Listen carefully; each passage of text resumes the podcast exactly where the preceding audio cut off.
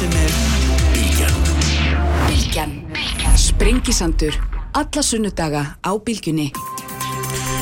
Sæli hlustundur, höldum að stað hér á Sprengisandinum Anna Hildur Hildibrandsdóttir verður hér í lók þáttar þeir verður hér Vilhelm Reygilsson og Orri Páll Jóhansson uh, Sigur Hannesson framkvæmst verið samtaka yðnaðins verður hérna líka en þau eru sest hjá mér Margit Valdimarsdóttir sem er dósend við Háskólan á Akureyri Helgi Gunnlaugsson, professor Háskólan Íslands auðvitað afbrótafræðinga bæði tvöðsælu blessuð, velkomin Takk. Það er mikil, mikil eftirspurn eftir afbrótafræðingum þess að dagana í, hérna, í samtal sem að en nú kannski gafan fyrir ykkur en segir okkur einhverja sögu um hérna, umræðefni í samfélaginu og, og þarna svona það sem er kannski langar að ræða við ykkur sko það er verið að tala um þessar forvirku heimildir, afbróta varnir ef að byrja þar aðeins því mér langar svona bara aðeins er þetta til þetta hugtak eða er þetta verið að spinna þetta upp í einhvern tilgangi er þetta til í fræðunum hvað, hvað, hérna, hvað er hérna að segja því? Já, þetta er til í fræðunum það fyrir svona eftir bara uh, hvaða hérna hvaða merkimiða þú setur á það sem er verið að tala um en Mhm. eftir litla öruglu og, og hérna uh, aukna rannsóknarheimildir forvirka rannsóknarheimildir þetta er allt til í fræðunum Mm. En hefur sjaldan verið kallað afbróta varnir áður en það? Já, sko, afbróta varnir er svo vítt hugtak að, að ég meina afbróta varnir er bara hvaða hérna getur verið hvað sem er sem er ætlað að koma í veg fyrir afbrót og Getur verið fyrirlestur í grunnskóla til dæmis. Getur verið fyrirlæstur í grunnskóla til dæmis og, og hérna, en það er náttúrulega sko, að því að mér finnst áhugavert og ég vissum að Helga finnist það líka að sjá hvernig fólk notar mismunandi hugtök yfir sama hlutin eftir staðsetningu í pólitík og það er, það er ekki ástæðu lausu sem að afbróta varnir er notað mjög mikið á, á öðrum vagnum og allsærjar eftirlit að það Já, hugtak nákvæmlega. notað mjög mikið á hinum vagnum Já, þetta er alveg harrið og hérna, þetta er þetta merkilegt þetta einmitt spinnst með það þannig að þeir sem eru hérna, eru hægra megin í íslenska pólitík, þeim finnst sjálfsagt að beita afbróta vörnum og forverkum heimildum en að þeir sem eru hinum megin eru hérna fara upp að hafa séð og telli þetta vera, hérna vera að vera að skapa eftirlið samfélag Já, það er svona að vera kannski vikka út þessu hugtök að gefa þeim nýja merkingu. Það er svona að vera að klæða þetta í þann búning sem hæfir málstanum hverju sinni. Þetta lögreglan það er sífælt að velta fyrir sér hvernig best er að takast á við þann veruleika sem er síbreytilegur og spurninginu þetta er hvaða heimildur hún á að hafa til þess að takast á við þann veruleika, svona alþjóðlega eðli brota og svona skipalega brotastar sem og fleira því tæ sko það hefur verið þannig með, með laurugluna sko að, að, að, að, þurfa að leita til domstóla og það er að vera raukstutur grunur og ef maður skoðar þetta bara ykkur ára aftur í tíman það, það hefur í sjálfs þeir aldrei verið neinn, neinn hindri fyrir laurugla að, fá heimild Nei, maður skilst, nei, það sé bara nánast bara sjálfvirt Já, það er, og, og, og það er alltaf spurning með svona valdheimildir og þegar þú fyrir að vika þér út að það þarf að vera einhvers konar eftirlit og hinga til að vera þetta eftirlit verið er raunverulega kannski bara domstólarnir sko. Og, og, og það hefur bara verið þannig að, að lögreglun hefur nánast bara fengið það sem hún telur þessu þurfa að fá varðandi þær heimildir sko. Þannig ég ekki sé þetta sem einhvern sérstakann vanda. En ég, ég skil samt mjög vel lögregluna sem mm. takast á við kannski nýjan veruleika eins og við erum að sjá eins og reyðiverk og við erum að taka skipulega brotarstað sem er landamæra laust og allt þetta. Að lögreglun vill raunverulega hafa kannski öll þau tæki sem hún telur þessu þurfa til þess að hafa svona yfirleitt yfir þetta og geta raunverulega gripið inn í sko. Þannig að maður, ég skil alveg sjóna mig sko, en, en svo er þetta alltaf, alltaf spurningin um að, að öllu, öllu slíkum heimildu þá fylgir ákveð eftirlit og það er spurning hvað er þetta eftirlit á að vera, að vera innan lörgnar eða á dómstólunum, við höfum haft þetta innan kannski dómstóluna en einhver liti kannski lörgni líka. Þannig að ég, að, að, aðeins að kannski að, að reyfa okkur hægt í þessu og, og sérstaklega líka ekki að vera að grípa til einhver aðgerða út af einhverjum aðstæðan sem allt í nú kom upp sko, að gera einhverja stóra breytingu eins og við hefum séð um þetta sögulega séð sko, með að menn grípa til stóra aðgerð oft í kjölfar einhverja, einhverja mikill atbyrða sko. Ná, þú ert að vara við svona panik viðbröðum, sem að segja Já, það þarf að vera yfirvegar svona ákvarðanir og í einhver ákvarðum svona samhengi og, og, og, ekki, ekki grípa til einhvern aðgerða. Við tegum sér dæmi því hún var að tala um rafbísur og skotvapna mm. eitthvað slík sko, ef laurugla bera skotvapn sko, tökum þessu tökum við þróunar því í Evrópi bara síðustu ára tíu, þá hefur það verið atbyrða drifin, tökum þessu Danbjörn sem dæmi af hverju er dönsk laurugla, af hverju hver einasti með vopnaður skotvapni sko, hvers, hvers vegna það? Og það vegna þess að það voru laurugla með skotnir. Já, já, við akkurat. skildistörf og það bara næstu vikun eftir og var allir vopnaðir sko. Já, veist, þannig að það er svona atbyrgur og þetta við getum alveg heimfært á Ísland það gerist einhver atbyrgur þessu tægi hjá okkur Já, þá myndum við örglega grípa til einhverja stóra aðgerð nákvæmlega, þetta er náttúrulega þetta, hérna, áður en þú kennst aðeins þetta margir hérna, meina, þetta er náttúrulega það sem við sjáum þetta langbæst í bandaríkjunum, þú nefnur reyndra Európa en ég meina bandaríkin eru samfélag sem er drifið áfram á því ef einhver skýtur á einhvern þá eiga allir að vopnast og lang, lengst gengur það í þegar hérna, grunnskóla kennar eiga að vera að vopna verjast einhverjum ádámum sko. þetta, hefur ekki, þetta hefur hvergi held ég svona skila betra samfélagi Nei og sko maður, maður skilur fólk í pólitík að það opnast eitthvað gluggi til að fara í eitthvað samtal við samfélagið um eitthvað sem að þú vilt koma á framfæri en, en svona window of opportunity Já. en ég held að það sé samt eins og helgir að benda á Eh, þetta, það er samt sem áður ekki rétti tímin að gera þetta í einhverju panik ástandi þegar að, fólk er einmitt hérna, eins og bara núna. Við hugsaum sko að því að fólk sem hefur verið að koma og setja spurningar já en hvað um eftirlitið og, og þá uh, kemur einhver í viðtal og segir já það er hættulegt að tala svona rýra tröst til örglunar og, og hérna vara við því að að hérna hvernig maður talar um þetta mál sem er núna í gangi sem er þessi hérna meinta uh, hriðverk árás og, og bara þess vegna er þetta ekki góði tími til að vera að ræða þetta. En svo eins og með hérna auknu eftirliti ætti, nei auknum heimildir lauruglunar ætti að fylgja aukið eftirlit að þá í þessum, að því að ég hef ekki séð þetta frumvarp sem er á leiðinni frá dómsmálar á þeirra núna, en í þessum drögum að þessu frumvarpi sem byrtist í mars að þá var sko eina sem kemur fram þar er að ef að lauruglan væri búin að vera að fylgjast með einhverjum einstakling í einhver tíma og það kæmi í ljós að sá einstaklingur hefði ekki gerst brotlegu við lög að þá ætti hún innan eðlilegra tímamarka sem er ekki tilgreint í þessum drögum að e, tilkynna nefnd um hérna, eftirlit með störum lauruglunar um það.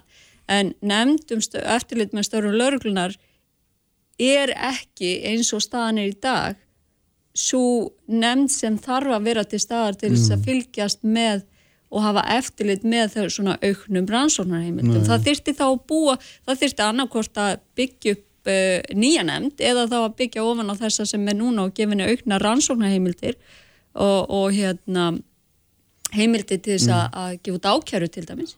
En sko, leða því við erum að tala þetta og Helgi segir fyrir valega og þú segir það þarf að vera til að nefnd og svo framvegist að þá náttúrulega eru menn hinum einu og býtu, við getum ekkert að býja til þessu. Þessi hætta er núna og, og það þarf að bregðast við henni og við þurfum að hafa klart og skýrt umbútt til þess. Hvaða hætta er núna Já, hvað ætti núna? Já, ég er að spyrja, nefnir að þetta hljóta að vera Til dæmis þessi mótrökin þriðjiverkókn að lauruglan hérna virðist nú hafa te tekið á og gripið inn í tíma án þess að hafa þessar forvirkur ansvörunheimildir Mhm. þannig að maður veltir í fyrir sem hvað kallar sérstaklega á þetta Finnst þér, kaupur ekki þetta tala um hérna, aukna ógn og, og, og harðari undir heima og allt þetta sem er stöðut flétta saman við þetta? Er, er þetta, er þetta kannski bara meiri fréttaflutningur?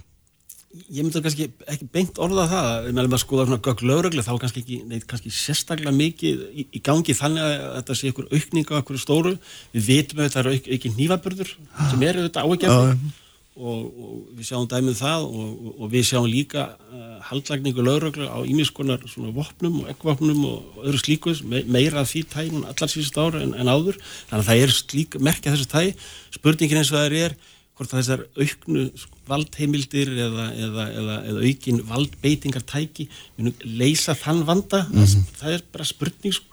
og hvort að að, lögreglan hafi ekki þær heimildir í dag sem hún þarf til þess að takast á við þetta. Ég meina það þarf að ræða það bara mjög skýrt bara hvað er það sem skortir beinlýnis til þess að takast á við þennan vanda. Ég hef ekki séð það sjálfur beinlýnis að, að, að, að, að það skorti beinlýnis heimildir fyrir lögreglu til þess að, að rannsaka þau mál sem, sem uppkoma en, en eins og ég segi það lögreglu getur ekki ein og sér bara verið að, að, að rannsaka bara má að eigin gethóta, það þarf að vera einhvers konar eftirlit með því og í dag er það sem sagt ja, domstólandir mm. og eins og ég nefndi á þann þá hef ég ekki séð að domstólandir hefur verið að standa í veginu fyrir lögreglu með, með, með, með því mál sem lögreglun er að fast við Nei. Eitt af grundvallar atriðunum í þessar umræði hlýtur náttúrulega að hljóta að vera almannahagsmunir Mhm. af því að allt, allar svona aðgerðir eru réttlætar og oft réttilega auðvitað með því að þetta sé gert á grundvalli almannahagsmuna það sé verið að afstýra einhverju vá sem að hérna varði almannahag setja almenningi hættu og, og hérna og það er svona þetta er eitthvað grundvallar hugtak og, og mjög flóki hugtak og erfitt eitthvað meina skilgreina hvenar það hérna, hvenar það er nógu stort og mikið til þess að, að bera að, að nýta það Já, alveg reynd og, og hérna og sko það, það eru líka lí, mikil lífskeiði fólkin í því að búa í samfélagi þar sem mann líður eins og maður sé nokkuð örugur, þar sem maður er ekki stöðut óttaslegin eða hættur við að verða fyrir ofbeldisbroti mm. og hérna uh, og, og sko en það er líka mikilvægt að bara að það komi fram að sko Ísland er ennþá á toppi lista yfir örugustu lönd í heimi samkvæmt þessum mikið notað á þetta e, vísi þessu Global Peace Index. Við erum, höfum verið á, á toppnum yfir friðsalistu þjóðir heims frá 2018, erum þar ennþá. Mm. og við erum ennþá ef maður tekur svona síðustu fimm ár síðustu tíu ár og skoðar til dæmis bara mandráfstíðni, þá erum við ennþá bara þarna lægstu, meðal lægstu þjóða, við erum svona á svona e, þessum frá 1 til 3 yfir þau lönn sem hafa lægstu tíðni mandrápa og, og hérna þannig að það er líka bara að því að sko ótti fólks þarf ekkit endilega að vera byggður á, á hérna raunveruleikanum. Mm. en það er auðvitað þannig að það er bara samfélagið okkar er flóknara einn dag heldur að það var fyrir 10, 20, hvað þá 30 árum. Og, og það er hérna auðvitað hafa skipulaði brótahópar á Íslandi meiri tengsl við erlenda brótahópa bara vegna þess að það er þannig sem að samfélagin eru í dag og það er skiljalegt að það valdi fólki óta og það er skiljalegt að við viljum að lauruglan hafi þau tæki og tól sem hún þarf til þess að, að hérna, venda okkur hinn og, og til dæmis eins og bara hefur verið bent á manneklu í lauruglunni í núna frekar mörg ár. Já. Og ég held að það sé til dæmis mikilvægt að leysa þann vanda. Og það hefur verið svona fleiri nefnundur fá að fara í hérna, lauruglufræðina við háa en það þarf að auka ennþá meira en sko var þessar uh, auknur ansóknarheimildir þá sko fyrir mitt leiti ég er ekki að segja að þetta sé endilega allránt en það þarf að vera mikið eftirlit með þessu. Og, og ég er bara að segja að tímasetningin sé kannski ekki hérna svo besta. Og með rafbissunar að þá svona ef maður skoða bara það sem hefur verið að gerast á Norðurlöndunum að þá svona uh, virðast að minnstakosti sko og hvernig, hvernig skoða maður árangur af rafbissum að þá sko, ef maður skoða bara lörgluna sjálfa þá upplifir hún sig meira öruga í sínum störfum þegar hún er með rafbissu. Mm -hmm. Það er að segja ef við erum að bera saman lörglu sem eru allavega ekki með skotvátt og, og það er alveg gildi og valjú í því að því að lauruglustarfið er bara, það er þræli erfitt og getur verið hættulegt og það má ekki heldur gleima því nei, nei. Og, og þannig að, að þetta tilraunaverkefni sem stendur til núna, ég held að það sé bara gott og blessað en það þarf þá að vera tilraunaverkefni þar sem það er einhver óháður aðli að fylgjast með því hvernig gengur og skrásetja það. Það er einhver að bara rannsaka það Ég held að það sé alveg rétt sko en, en var þetta svona lauruglulega mm. þá það sem, þá vandi sem lauruglan glýmið við okkur er að það er svona undir mannaðarvaktir oft ófæglarðir eh, lauruglumenn, oft ungir mm. og við aðstæðar því tægi sko að, að vera heimila hérna rafbísar og fleira í, í slíku umhverju, ég er ekkert vissum að það sé mjög uh, farsælt, það getur bara verið mér svo varasamt en ef lauruglan er velmönnuð fullmannaðar vaktir mm. af, af þjálfuðum lörglumönnum þá er svona meiri að, að, að þá er sagt, heimil til með, með rafbísar eitthvað slíkt að þá hef ég minni ágjör af því og við, og við sjáum þetta bara erlendis að, að það sem eru minna þjálfaði lörglumenn það gripir meira til, til vopna og skotopna mm. en annar staðar og við tökum alltaf svo Norega dæmi sem, sem hefur verið með lift eh, rafbísur undanfarið að það er þetta lítið nota sko. þetta, þetta, þetta, þetta er ekki mikið, mikið nota sko. og, og, en, en þeir sem að telja sig verið öruga að hafa mm. þetta þetta sé eitthvað svona viðbúnaði sem eru, eru með og það er líka að tala um það að, að bara vitandi það að þeir séu með þessar rafbísar það sé smá kontrolli sjálfur sig, dagvert til dæmis krefnandi aðstæðum að menn viti að laurugn er með þannig búna þó er ekki byrjinins að beitónum og svona í, í þessu samingalang var hann benda það fyrir örfamóra síðan tók ég hætti rannsvarverkefni í, í færi þá komir óvart að það að lauraglan þar er búin skotofnum mm -hmm. sín dælu og skildustur í færium sem er sko draumasamfélag það er ekki rusla á göttum það er ekki graffitiðar en lauraglan taldi það algjörlega nöðsilegt fyrir sig að vera með skotofn og talaði allavega reyndan lauraglumann til 40 ára yfir, yfir lauraglumann og bara spurði hann beint út hefur þú notað þess að byrja eitthvað tíma í starfið mm -hmm. Og hann sagði e, jú einu sinni. Og þá bara dróð hann byrjun upp en notaði hann ekki. Mm. Dró, tók ekki gikkin í 40 ár. En sagði að það er algjörlega nöysilegt að hafa þennan skottbúnað og svo talaði ég veit ungan lörglumann mm. 25 ára færi einn sko sem var nýjútskruðar á lörglskólanum og ég spurði hann út í þetta hvort hann telti nöysilegt að vera með þetta skottofni hjá sér. Hann sagði bara beint og horfið bara alveg á mig ef ég er ekki með skottofni hjá mér þá upplifið mig nakin en þetta er þjálfur lörgla sem er með bara ími svalbeitikra tæki mm. en kannski grýpur ekki til þeirra sko. mm.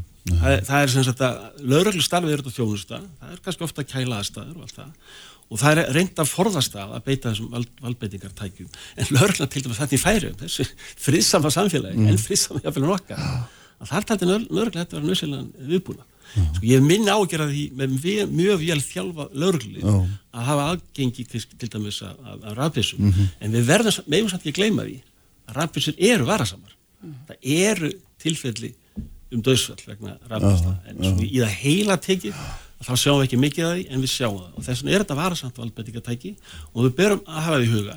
Mér finnst það svona mikilvægast aðrið fyrir lörgla að það er sem sagt að bæta úr þessari mannleiklu vel þjálfaða og reynsla á hverju vakt mm -hmm. að þá hefur minni ágjörði að, að lörgla hafi aðgengja einhverju slíku valdbætingatæki mm -hmm. en ég hef ágjörði þess að staðinir í dag. Þess að við erum úti með lörgla sem eru óreindir, ungir, undirmannaðir og þá í einhverjum örvæntingu að grípa til tækis eins og, eins og, eins og, eins og rafbisna sem hefur sínt sig að er getur verið varasamt. Sko.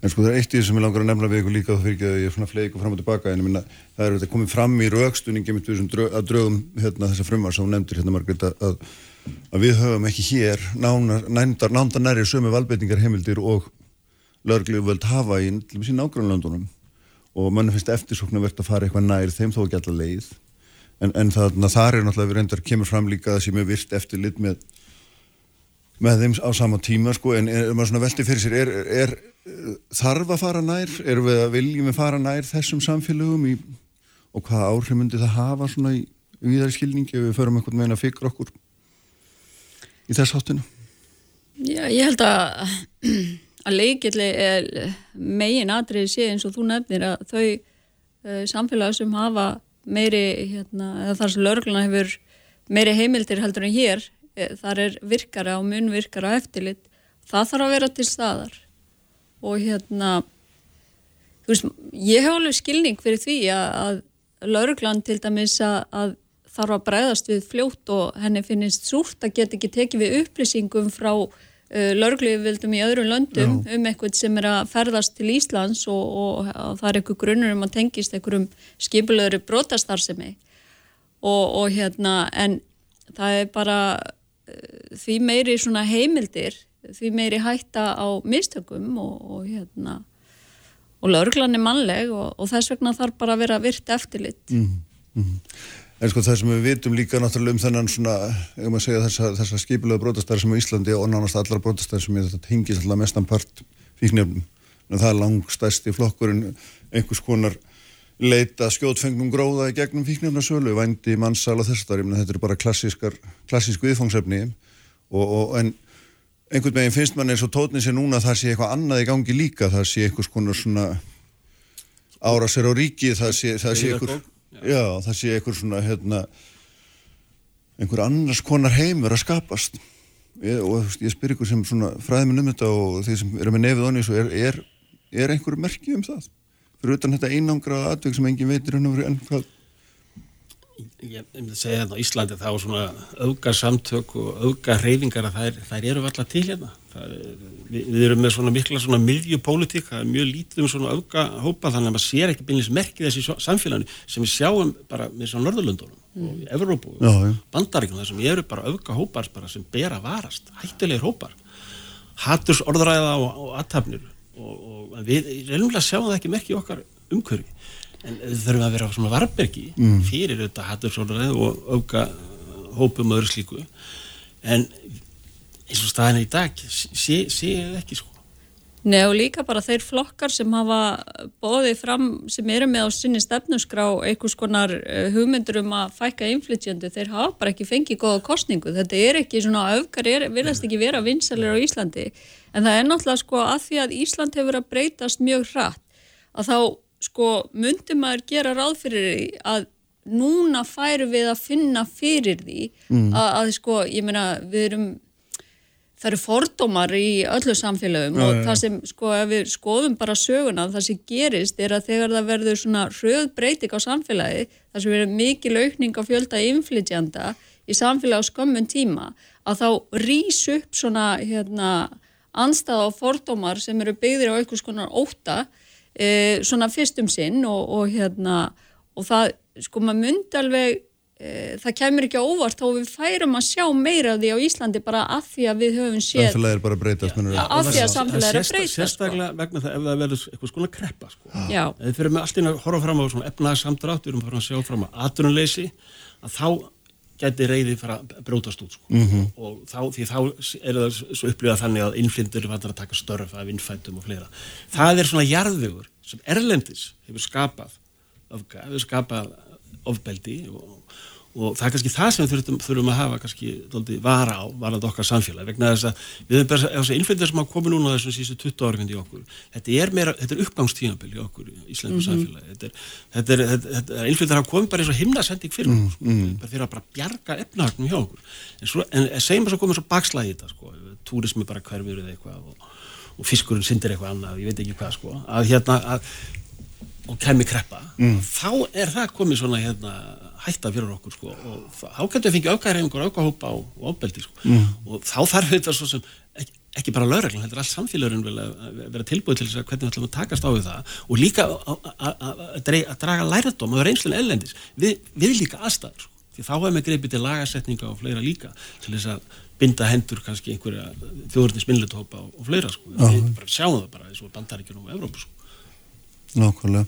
Sko eitt hérna bara rétt í lokin hérna, ég veit að þú ert að hlaupa margætt en hérna bara eitt örstuðt í lokin að því að mér stað svona áhugavert, ég ætla að fá ykkar álita því að það er, og það er hérna þessi sérkynlega staðreind að fadir lauruglustjórans, ríkislauruglustjórans er undir eftirlitu og mátti sæta húsleit vegna vopnarsölum í meðju þessu stærsta vopna hérna, máli síðar tíma. Mena, hvað áhrif hefur svona? Hvaða máli skiptir þetta? Er þetta bara eitthvað, eitthvað svona ekki, ekki svona, þetta er litla Ísland sko. Þetta er svona vandralegt, óheppilegt. Já, jú, vissulega svona, svona, þetta er svona, þetta er eitthvað svona þetta er hugið spökstofinu, hún var í gangi sko. Þá er þetta alveg kjörið efni fyrir Karl Ágúst að móða úr eitthvað, eitthvað efni sko. En, hérna, en ég held samt sko að varðandi rannsókn málsins, ég held að hún trublist í sjálfsverð ekki neitt sko, þetta er bara þannig að þetta er bara óheppilegt myndi ég orða kannski, væri orðið yfir þetta en, en, en rannsóknum heldur áfram og, og, og, og það verður ekkert engin En, en þess, þessi ótrúlega óöfni er náttúrulega ekki tilvíljun þar sem að þetta er ekki maðurinn byrja ekki á þessu gær og það er, svona, það, er það samband sem að maður lítur að velta fyrir það sér. sko, það er náttúrulega, hefur komið fram að fadrinnar, fadur Ríkislörglustjóra, mm. hann, hann hérna Uh, flyttur í vopn, hann, hann selur vopn og hann á stort vopnasatt og þetta veitum við vegna þess að hann gerði aðtöðasemt við uh, breytingatillu á vopnalögun 2012 þar sem hann uh, tók þetta fram sjálfur og, og okkur getur þótt dýmislegt um það en það er samt allt sem hann gerir er löglegt mm -hmm. og, og hérna uh, og, og sko ennþá með við þær upplýsingar sem við höfum núna að þá mikilvægt einmitt að þetta sé ekki að borði ríkislauglustjóra en það að þetta hafi verið fært í hérasagsóknara er ekkert sko óæðilegt í sjálfu sér að því að það er hvort sem er þeirra verkefni að rannsaka og ákjara brot sem beinast gegn valdstjórninni. Og ef að þetta mm -hmm. sé mögulega hriðverk árás átt að beinast gegn lörgluna eða alþingi að þá er það ekkit óæðilegt að sé á borði þeirra.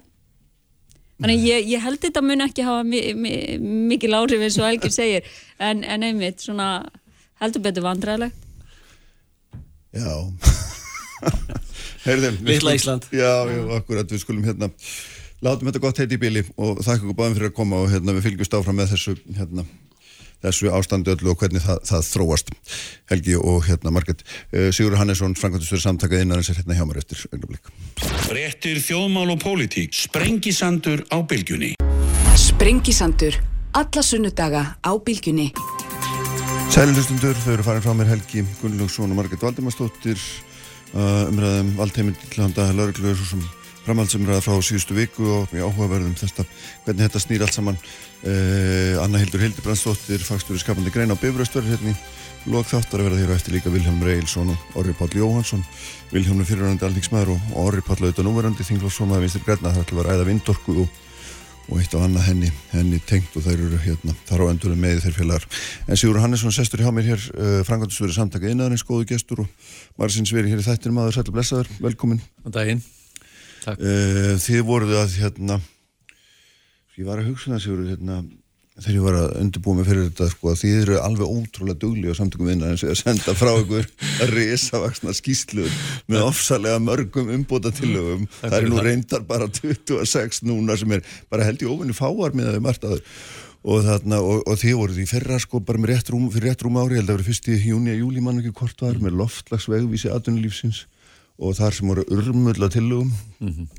og þarna og maður svona veldi fyrir þetta ekki bara alltaf í skúfu eða hvað Nei, Nei. Uh, sem betur fyrir nýtist þetta nú vel og, og gott að þú skulir koma inn á þetta vegna þess að, að á síðustu fimm árin þá höfum við verið bísna dögleg í, í þessum útgáfum og við höfum Já. náttúrulega unnið þetta með grassótinni sem eru félagsmenn, við höfum unnið þetta líka með sérfræðingum og, og svo náttúrulega bara starfsfólk samtakana mjög öflugt en uh, þær hafa nýst vel þessar skýslur og, og sem dæmum á nefna bara innviðarskýslunum sem kom á 2017 breytti umræðum um þau mál við endur tókum leikin svo 2021 með það, mm. það málefni en, en við erum með fimm áherslumál sem við leggjum mest áherslu á sem er mentun eða mannesmál nýsköpun, innviðir uh, umhverfsorkumál og svo starfsumhverfi mm. sem við erum að fjalla um núna Já og það má eiginlega segja við veljum þessi málvegna þess að saman að þá byggja þau undir samkemsæfni landsins, undir framleiðin sem þýðir bara að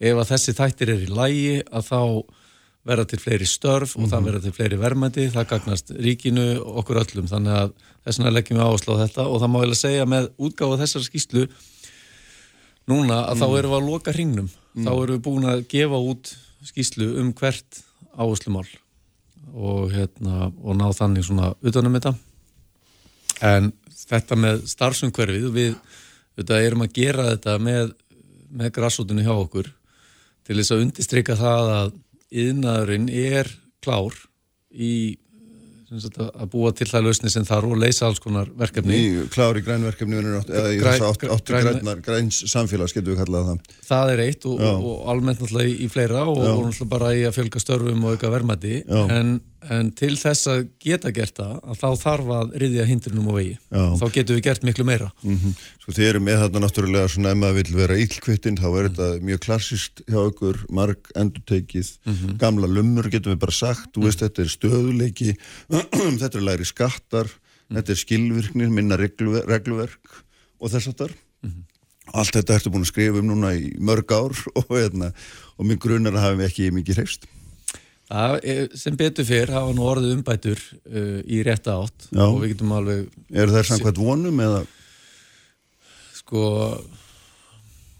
ég heldur sé nú kannski ekki tekt fyrir þólumæði ef ég orðaði það þannig en, en hérna En við höfum alveg séð dæmi til dæmis hjá stjórnvöldum í áttað einföldun, uh, stafran stjórnsísla og, og svo framvegis sem, sem að nýtist okkur vel mm. en það þarf þó að gera meira og, og við sjáum líka dæmi um það hvernig, sko, hvernig uh, ríkið eða stjórnvöld gera reyna að liðka fyrir sko, einhver staðar en, mm. en reysa svo gerðingar með hinni hendinni.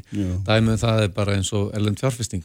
Stjórnvöld og atvinnling veru í samstarfi um Íslandsstofu sem hefur það verkefni að stöðla auknum útflutningi og laða fjárfestingu til landsins Já.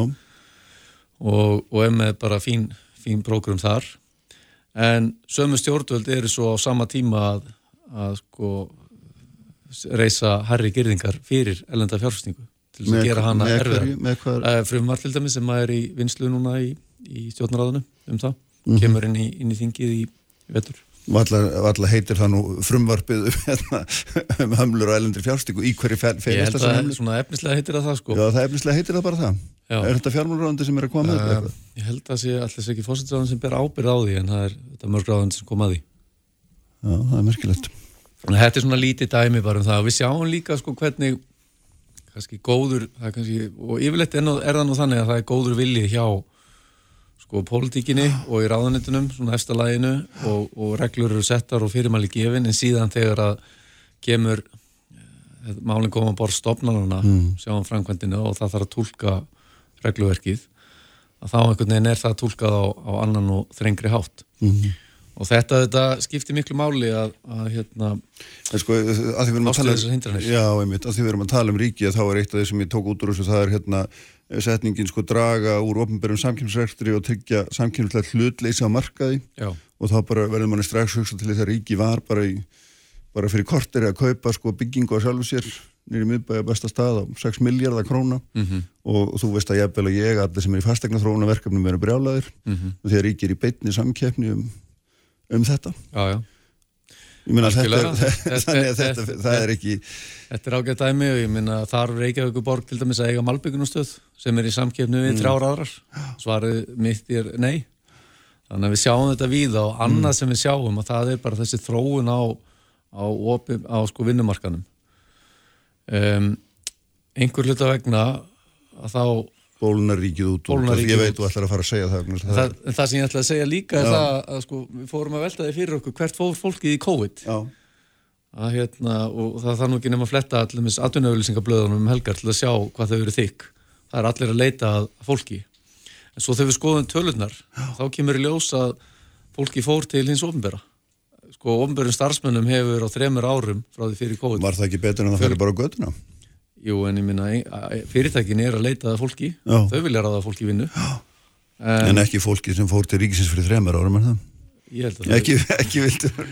Ég er bara á þessu þryggjára tímafili, sko. Já, já. Jú, algjörlega, ég minna, þetta er bara einn ein og sami vinnumarkaður mm -hmm. og við sjáum það líka að, hérna, að, sko, hvernig launathróun hefur verið. Laun hjá hennu ofinbæra hafa hækkað meira en á almennamarkaðum og þessi þróun bæði að, að sko hefur ofnbæra sé leiðandi í launathróun og sé að, að sko vaksa svona mikið, þessi þróun er algjörlega ósjálfbær mm -hmm. og hann verður að stöðva vegna þess að verðmættinu þetta verðmættin verða til annar staðar.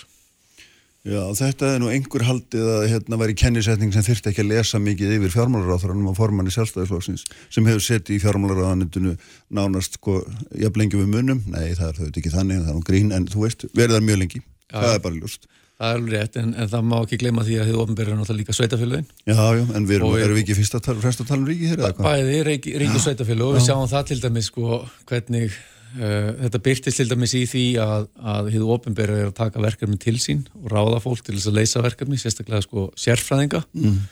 um, það til dæmis á við og já, svo vegagerðinni sem er ráða til sín hérna, kannski bestu sérfræðingana í, í mannverkigerða á, á landinu og þeir eru þá ekki að vinna fyrir aðra á meðan eða í öðrum verkefnum, þannig að mm. þekking hverja nýtist bara einum aðila en ekki öllum. Sjáum annað dæmi sem við fjalluðum aldrei um í síðasta veitur og í fyrra En stendst þetta eitthvað skoðun? Því að þú ert með sérfræðing á vegagernin þegar þið verður að bjóða út mikilvæga verk þá er þetta mjög mikilvægt að sé rísa þekking þar innan dýra til þess að skilja hvað er að segja út á markanum og hvað, hvað tilbúið bera með sér og hverjir geta yfir höfu stað undir því sem þeir eru lofa, Algjörlega, en, en sko vegagernin þarf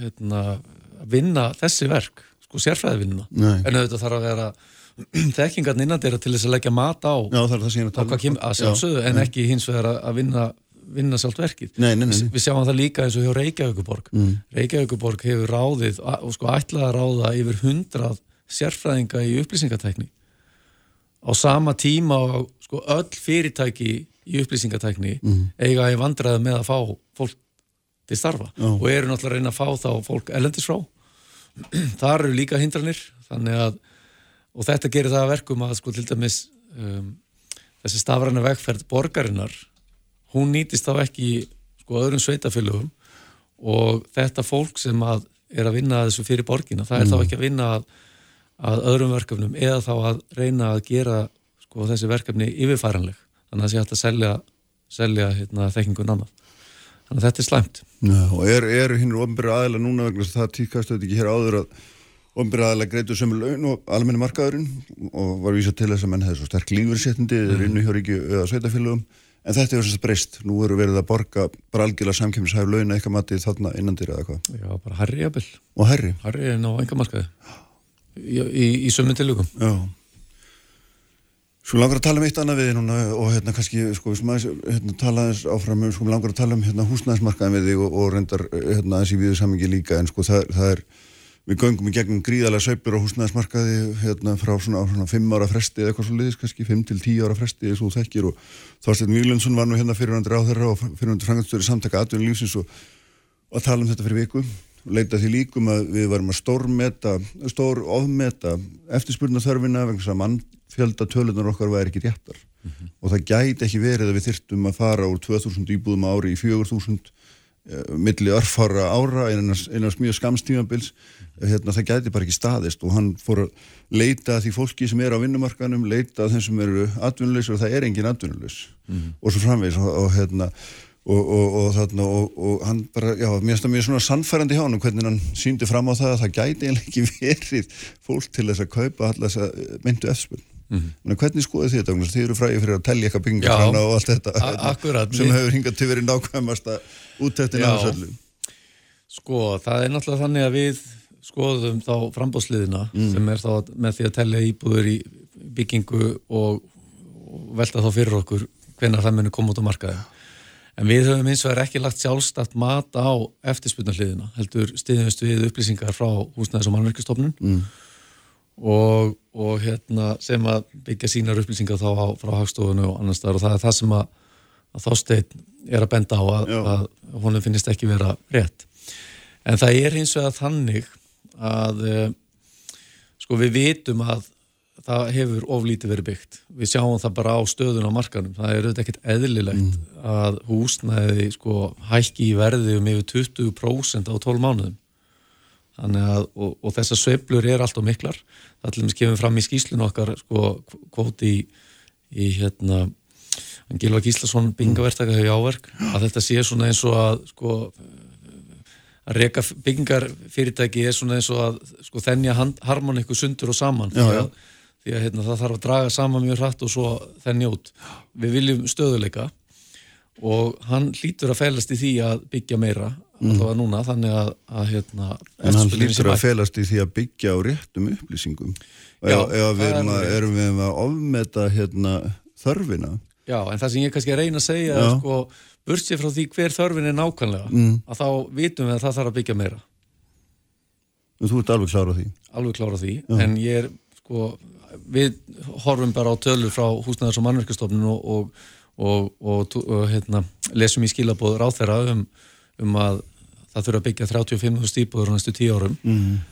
en svo þarf þetta bara tíminn að leiða það í ljós hvort að þær eru 30.000 eða 40.000 eða 25.000 sko en, en fyrsta skrifið er allavega Mm. þannig að það gæti eh, já, en það gæti semst verið að 35.000 íbúða áallurinn gæti alveg verið 25.000 eða 40.000 Ég sko, er mín, það, væri það ekkit óverlega frá eitthvað eða hvað? ekki kannski á tíu árum Nei. ég meina, ég bara nefn tek einhverju tölur af handahófi sko, en, en ég bara segja að tíu ári er langt tímabil Mm. og það getur vel verið að, að það flytji miklu fleiri til landsins heldur en við sáum fyrir svo getur vel verið að verðum í niðursöflu eða kreppu í einhver ár og Mm.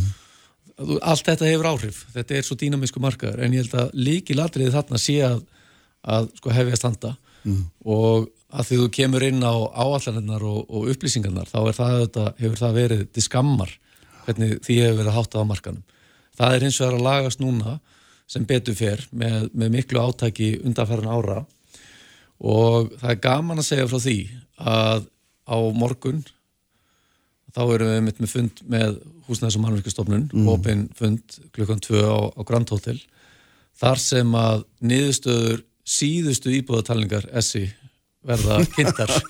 Þannig að þetta hefur verið maðurinn sem fór og taldi kranna, hann verið kemur fram og, hann, hann kemur fram og, og fer við stöðuna í síðasta sinn. Að, hérna, og það getum við gert vegna þess að það hefur náðust talsverður árangur á síðustu árum bæði náttúrulega á, á regluverkinu líka bara er, ko- er sko stafr, er stjórnsýslan orðin stafræn. Þannig að það er verið að skrá upplýsingarnar og, hérna, og skrá áallanir og þannig náttúrulega getum við þá betur fylgst með stöðunni. Og það er auðvitað fórsenda þess að geta metið þörfina. Já, en sko um leið og við erum að tala um þetta þá kemur alltaf, vaknar alltaf þessi spurning sko við ætlum að byggja hérna 35.000 íbúður á, á 10 árum og mér að segja 20.000 á fyrstu 5 ef ég skildi þetta rétt. Og, og hérna við erum að byggja landsbítalan Sigur Ingi var hérna fyrir einhverju tæmu vikum og saði við hefum ekki getað eitt eins og 13 miljardum í fyrra því að við höfum bara ekki börða getu í að, að klára það sko mm -hmm. og, og hérna og maður veldir alltaf fyrir sig hva, hvers konar áhællanir eru þetta hversu raunhæft er þetta? Þetta er ekki raunhæft öðruvísi en þá að draga verulega úr einhverju öðru að þér virðist, því að hann sagði það sjálfur svo erum við með, svo maður blandir því inni líka, svo ertu með mannir í sælabanka sem bara hækkar vexti konstant mm -hmm. og segir bara kallt hakkerfi, nýðu með þetta hætti þessu, býði, mm -hmm. er það ekki? Jú, en hann hefur líka, sælabankin hefur líka bent á að, að sko, það þurfi að koma á stöðuleika á húsnæðismarkaðin mm -hmm. Þannig ef að húsnæðismarkaðin hefði verið stöðugur þá væri vextinir ekki eins háur og þeir eru og verðbólgan ekki heldur. Þannig að við höfum að leggja aðra fjárfæstingum til hlýðar. Mm, ég er ekkert vissum að það þurfi að gera það. Þú sem ert hérna búin að rekna út 400 miljardar skuld, innviðarskuld. Já, það er rétt. En ég er ekki að segja að við höfum að leggja það til hlýðar. Það er alltaf að sinna því. En ég bendi líka á að sko, markaðurinn er mjög dýnamískur. Eins og ég sagði á þann að fyrirtækin eru mjög vönd því að, að sko draga saman seglinn hratt mm. og eins að, að, að sko stækka þegar að þess er þörf mm. og það munið auðvitað að gera núna þannig ég hef yngar ágjör og öðru en að sko, sko getan, afkastagetan í byggingariðinaðinum muni mæta allir þeirri þörf sem að verður Já. Gott og vel, ég, er ekki að munnhöggast um það við þig en það, það hljómar ekkert rosa sennilega sko. Það hljómar ekki svo sennilega miða við það hvernig, þessar sveiflu sem við erum alltaf að tala um og miða bara hvernig svona hagkerfið lítur út í augnablikinu. Nei, við hefum svo sem bara séð það áður sko, mm. það veri stórfrankvældir og mikil uppbygging á sama tíma. Já, með olgandi þenslu og öllu sem fylgir. Má samt ekki gleyma því að hagkerfið eru þetta öðruvís en það var og það er að Sjáðum en þetta ekki líka fyrir 15 árum? Jó, það sko er ekkert eins og það var. stöðunum, Stóðunum hefur fjölgað. Já. Nú erum við komið með sko hugverkaðina sem er ný útrúðningsstóð Þannig að það þetta skiptir máli Færðarþjónustan hefur vaksið líka.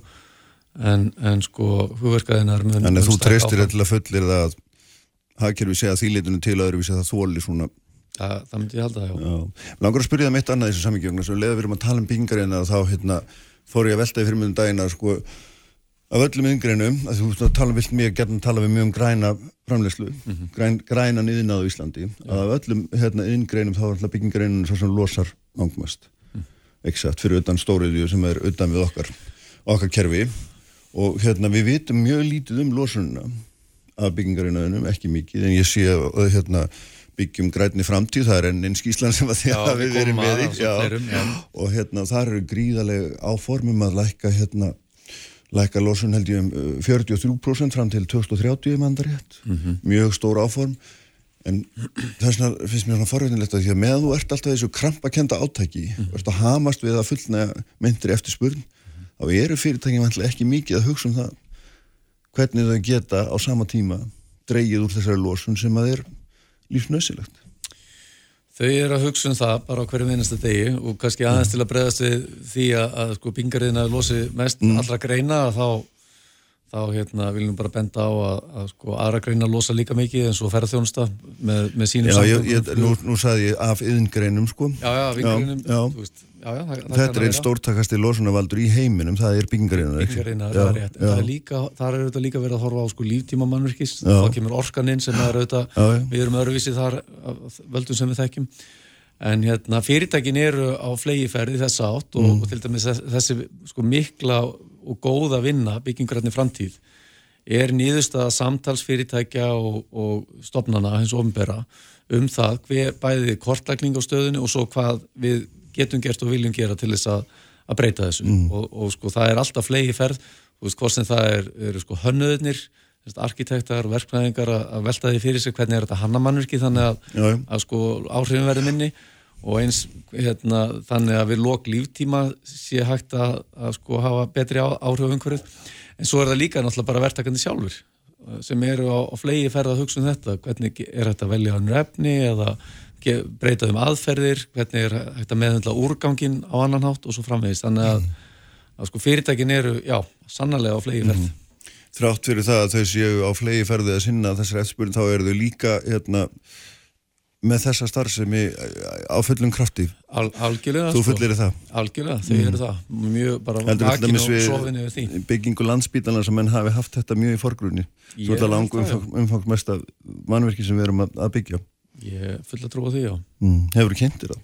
heldur það að því að þið eru alltaf að gefa út skýslunum það um já. framtíð og Ég- ég meina vitið þið eitthvað annað þú veist, Sko, get, get ég til dæmis núna ringt í einhvern og spurt hérna hvernig hefur þetta gengið? Ég held ég geti það ekki, ég held að vitið þetta enginn eða hvað? Hefur til dæmis, ég myndi halda Er þetta grænt bókald yfir þetta? Eru þið með eitthvað slíkt? Fyrirgjöðu ég spurningaflömin Verktakandi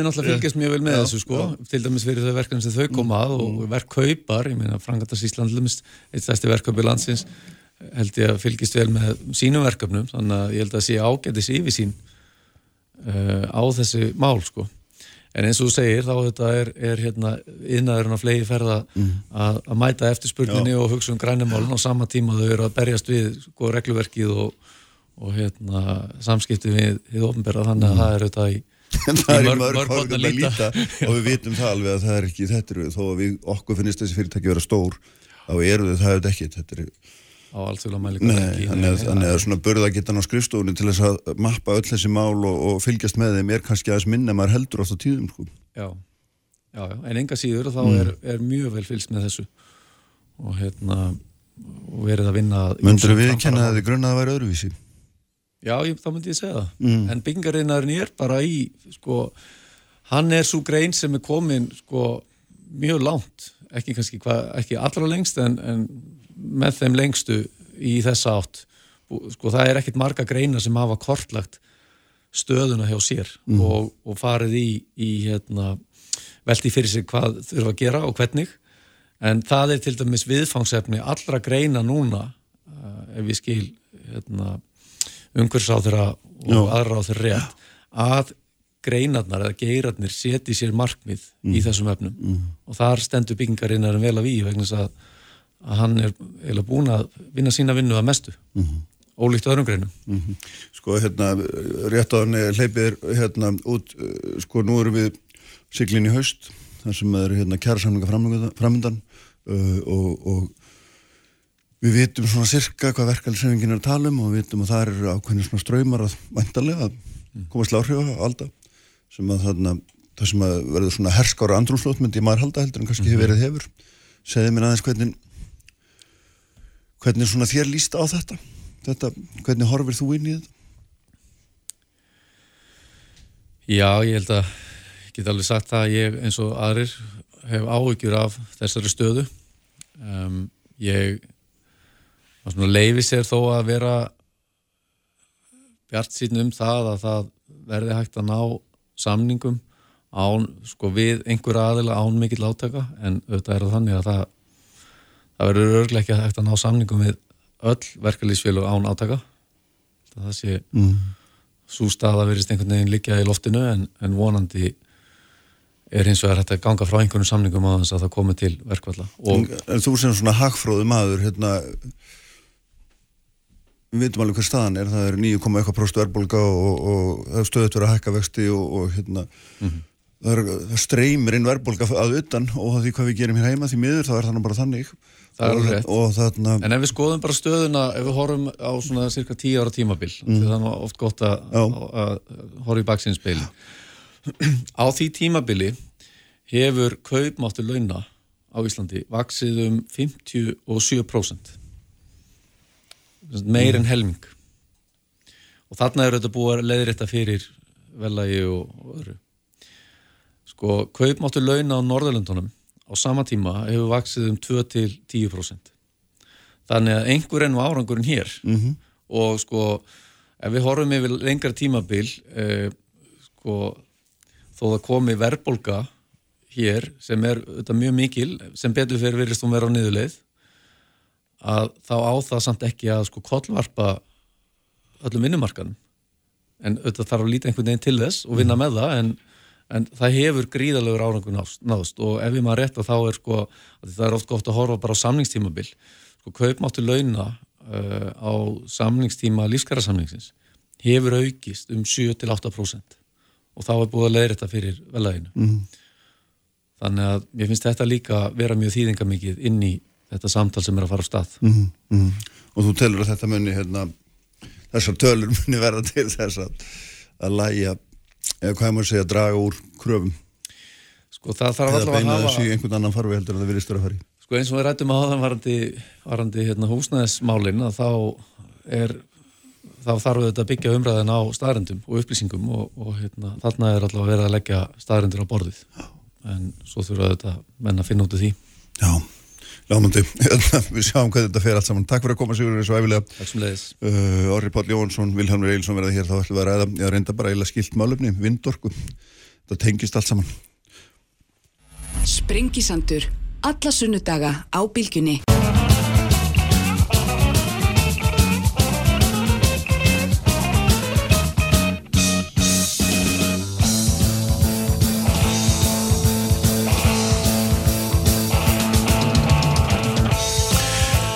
Sæli hlustundur, uh, höldum hér áfram. Anna Hildur Hildibrandsdóttir verður hér í lokþáttar fjöllum þá um skapandi greinar uh, hlutar þeirra í samfélaginu eða í efnarslífunu var nú betra að segja.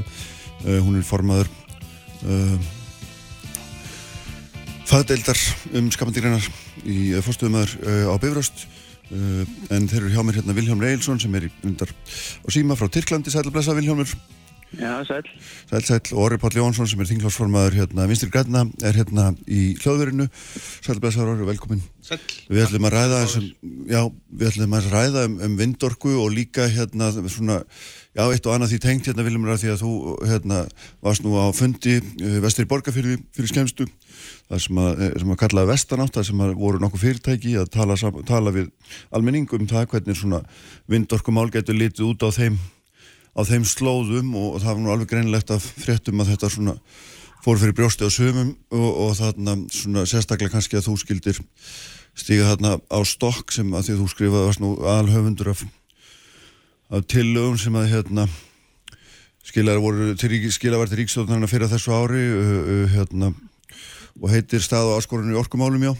Og þannig að uh, sko manni fannst þetta óvegandi skýrði það eins þína aðkomi því ég hef áhuga að vita svona hvernig af því þú, þú talaður mikið um þessa svona ídröstu sviðismynd á þessum fundi að því er endursögn greini frá. Skýrðaðins þína, þína aðkomað þessu. Eins og þú segir þá var ég formadur í grænbókanemndu um hverjus og orkumálar á þeirra sem að skilaði að sér skýslu í grænbók í lok februar, byrju mars. Og uh, ég var búin að setja mig heil mikið inn í svona hvað er að gerast í heiminum í þessum málum öllum og og bara nöðsum þess að grípa til aðgerða í lofslagsmálunum og bara líka taka til því bara hvað er að gerast í heiminum og hvaða atnumlífið í heiminum er að taka mjög við, mikið við sér og hvaða mikið skriðþungi komin að stað og, og síðan uh, fer ég í heldur áframvinnunni í grænbókinni og við klárum hana eins og þessi og, og uh, ég bara fæ mikið áhuga á þessum máli sko, og uh, og bara vil gætna vinna því sem mestan framgang eins og, eins og mögulegt er sko. og, Já, er, áhuga máli er þá að tala um vindorkuna sjálfa eða bara heilt yfir? Ég, ég, er bara að tala um það að, við þurfum ef við ætlum að dekka orkuskiptin mm. á fram til 2040 að virka í viðbót 24.000 íkvæðstundir Er, það er sem stín sannfæring að þetta er, þetta er sangvært þessari ítustu sviðismynd og þú telur það að vera þá réttu sem sagt Byrju Já, já, ég er rólegur. Já, alltilega. Ítrasta sviðsmynd gengur út á það að við framlegin raforku á móti orkuskiptum í flugi og fiskiskipum og, og flutningaskipum og samgöngum á landi og, og síðan sé smá, smá klýpa sett fyrir aukna raforku þarf yðnaður og alls konar framlustugreina í, í landinu. Uh, þetta er náða sem að gengur undir nafninu Ídrasta sviðsmynd. Mm -hmm. uh, aðra sviðsmyndir ganga út á það að við séum ekkert að uppfylla það sem við höfum sett okkur sem markmið að framleiða orku á móti þeim orkuskiptum sem að þau var gangið gegn.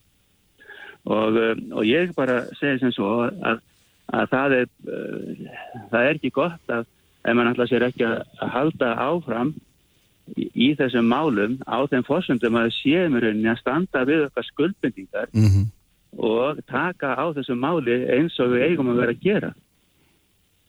Þannig að þetta sé nöðsynlega fórsönda ári pál, hvað, hérna, þú gaggríndir náttúrulega aðkomi Viljámsson, ég, ég nefnir ekki að gera hann að einhverju algjöru aðalatri, en líka það að hann skuli nota þessa svo ítöðs og söðismynd sem að þér finnst að greinlega vera langt fram úr hófi. Já, mér finnst það og ég er ekki deitnum þá skoðun. Sko verkefni þessa hóps, starfshóps sem má taka saman stöðunar var að draga fram staðarindir á grundvelli fagleira sjóna með á upplýsinga um líkilhættasvið orkumána.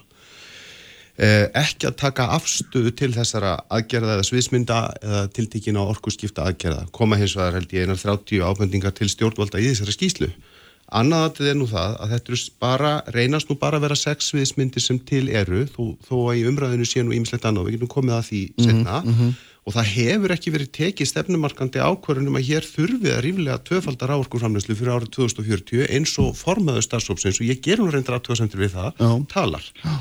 Í þriðja lagi að þá er lögð áhersla á það í stjórnarsáttmóla að það verður ekki að sátt um nýjar virkjanir og sérstaklega tiltekið í tilfelli vindorkunar sem að Eli Málsins samkvæmt er komin á, á dagskrá að það er að segja að vindorkuverin byggist upp á afmörkuðum svæðum, nærri tengi virkjum og flutnings, flutningslínum þar sem und verður að tryggja afhendingarörgi en mikilvægt sé að breyðs átt ríkjum uppbyggingu slíkra vindorkuvera og ég tel miður við það sem ég hef heyrt af þessum fundum og ekki mm. bara þessum fundum heldur svona hansi freklega gengið fram í umræðinni að umræðan eins og, og maður heyrir og, og lesi fréttum og bara ég hlusta nú að við tölvið því Vilhelmur sjálfur þessu tengt uh, þarna sé gengið mjög freklega fram og það sé bara engan veginn til þess að, að tryggja sátt mm -hmm. í samfélagunum það sem að einhverjur hafa einhvern áhugaði að reysa þessar vilur. En, en, en byrju nú aðeins að það sem Vilhelmur er að segja, hann segir að, að raun og veru þessi sviðismynd sem hann er að lýsa hún geri ekkit annað en að standa við skuldbindingar okkar Ertu þá að hafna því algjörlega? Ég er bara ekki sammála þeirri tólkun, bara alls ekki Nei. og ég tel okkur ekki vera búin að ræða okkur til bots í því sem að þó skýslan dregur saman mm. þannig hefði sannlega, hugsanlega geta verið meira undir en það er alveg rétt sem kemur fram, það eru kannski bara sex sviðismyndina sem til eru Ég tek sem dæmi að eins sviðismyndin uh, miðar að því að við séum í raun ekki að ráðast í frekari orkuöflun heldur séum að reyna að verja þeirra orku sem við eigum nú þegar hér með einhverjum öðrum hætti. Þetta er umræði sem hefur ekkert verið rætt. Svo má nú líka minna á það. Mm. Ástæðan fyrir því að við erum komin í þessi óefni í heiminum með þetta stó, stóra áskorun sem loslasváin er, er vegna þess hver mannskefnan hefur gengið freklega fram og við leysum það ekki með því að ganga áfram freklega fram. Mm -hmm, mm -hmm. Vilhelmur, bregst við þessu eins? Já, já, þessi sviðsmynd sem hann er að tala um og, og gengur í ráðfyrir, gerir ráðfyrir því að við séum að, að uh, loka einhverju, einhverju starfsemi, þetta er nú svona bara dölnöfni fyrir það að Loka álveru vantarlega? En sko það er bara algjörlega á móti öllum prinsipum sem að eh, við haf, er viðhafð í þessu málfakki þar sem að hver og einn tekur að sér að uh, flytja ekki losum á miklu landa og þess vegna ekki heldur störf. Og þetta er bara eins og þegar maður farið vestur í búðar og, og sagtu við alla því að takk til í gorðunum ykkur og þeir eru samðið það í búðardal og, og svo hefur bara einhverju farið í það að henda allir uslinni sem er í garning á nágrannanum sko. Það er bara ekki siðlegt að tala um þetta vegna þess að við þurfum að leysa okkar vandamál og þar fyrir við utan þegar tali kemur að álverum að þá er ál einn umhverfist vænasti málmurinn sem við höfum á jörðum. Það er, það er út af því að hann er líkil málmur í hlingrásarhækjörunum þar sem að eh, endurnýttinga hlutvall ál sem við hafa. Ál er eh, hérna, líka skal ég segja mjög gott að sem að ramagnir vegna þess að það er góðu leiðari og síðan er ál mikið notað til þess að létta alls konar faratæki og spara þannig orku.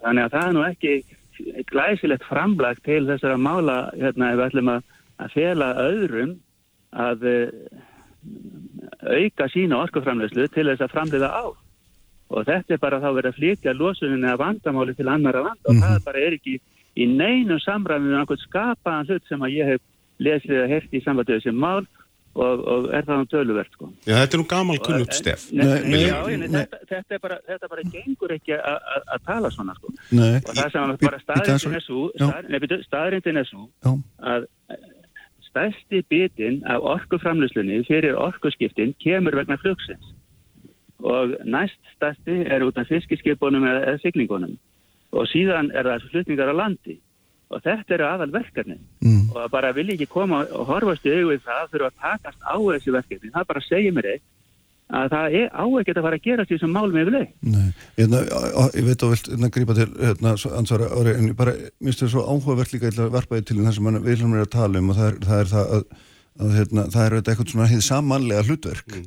og það, hérna við getum ekki bara uh, einhvern veginn sagt stoppina heima, við verðum að hjálpa heiminum, það er þessi hugmynd, þessi stóra hugmyndum að allir verða að hjálpa stað, ekki satt? Og, og hérna til þess þurfum við að framleiða svo kallega vistvæn orku og nota hér.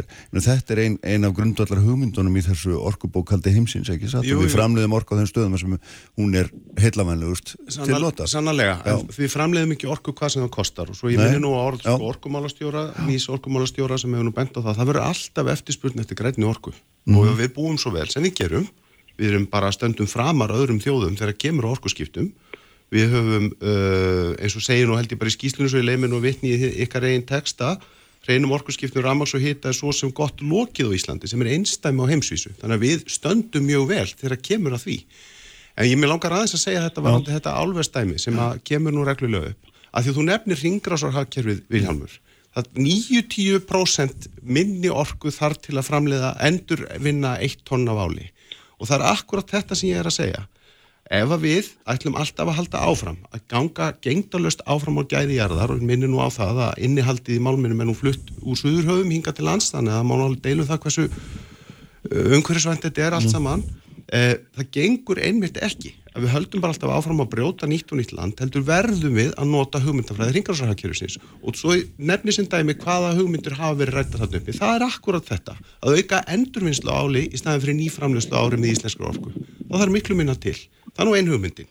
Það er þetta sem ég er að benda á. Við höfum ekki rætt okkur til bots í því hvernig við viljum rástafa þeirri grænu eftir sóttu orku sem við búum yfir hér. Mm -hmm. Það er eins og rétt sem Vilhelmur segir varandi flugið og við byggjum auðvitað aðra atvinnugrein stórlega á flugi og flugsamgöngum og þar hafa, hafa eh, framlegslar afelsneiti verið uh, og rafmagnir reyndar, við sáum hérna litla flugvelundaginn sem gengur á rafmagnir rafmagnin bara beint, eh, verið til umræðu sem komið til orku skipta þar. Þetta er sannlega allt atriði sem við þurfum að ræða okkur til bots í. En það sem ég er að benda á er það, í dag höfum við ákveðið að rástafa 80% af okkar orku með öðrum hætti. Hver segir að það sé algjörlega bannað að ræða það hvernig við, við getum variðinu með öðrum hætti án þess að ganga freklegar mm -hmm. á mhm. gæðiðjarnar. En ertu þá að segja að þú myndir vilja því nú eru þessi samningar við þessi álfyrirtæki, það er bara tölum beint um það, þau eru þetta til margra ára Já, og þú myndir sérst vilja ræða það að þeir eru ekki framlengdir umfram þess að þeir eru núna. Myndir, það, er, það er svo umræð sem þú myndir vilja að kæmist upp á yfirborðið. Þeir eru auðvitað nokkrir, líka stórir og allt það. Það sem ég vil ræða er að við tökum inn í umræðina, mm -hmm. ætlum við að horfa til þess að eitthvað af þessum samningu verði varið í annað í framhaldinu mm. eða ekki og þá kemur eðlilega gaggrinn á það að sem er að leggja til að hafa störfa fólki það er ekki það sem ég á að við í þessu samningi ég vil bara við ræðum þetta mm. í samingi þess en það er ekki átomatist framkvæmt að ráðast í aukna orkuöflun tú treyns og ekkert annað koma til greina mm -hmm.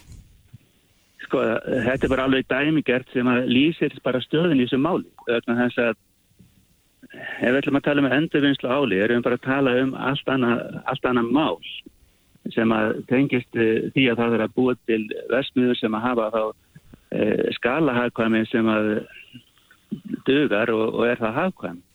En uh, ég ætla ekki að segja neitt um það, það sem ég bara að segja það við þurfum að ná þessum 24.000 gigawatsundum fyrir 2040 ef við ætlum að standa við þau markmið sem við setjum í pípunum núna er, eh, er hérna, aukin framleysla upp á mestalagi 10% af þessum uh, gigawattstundum til 2030.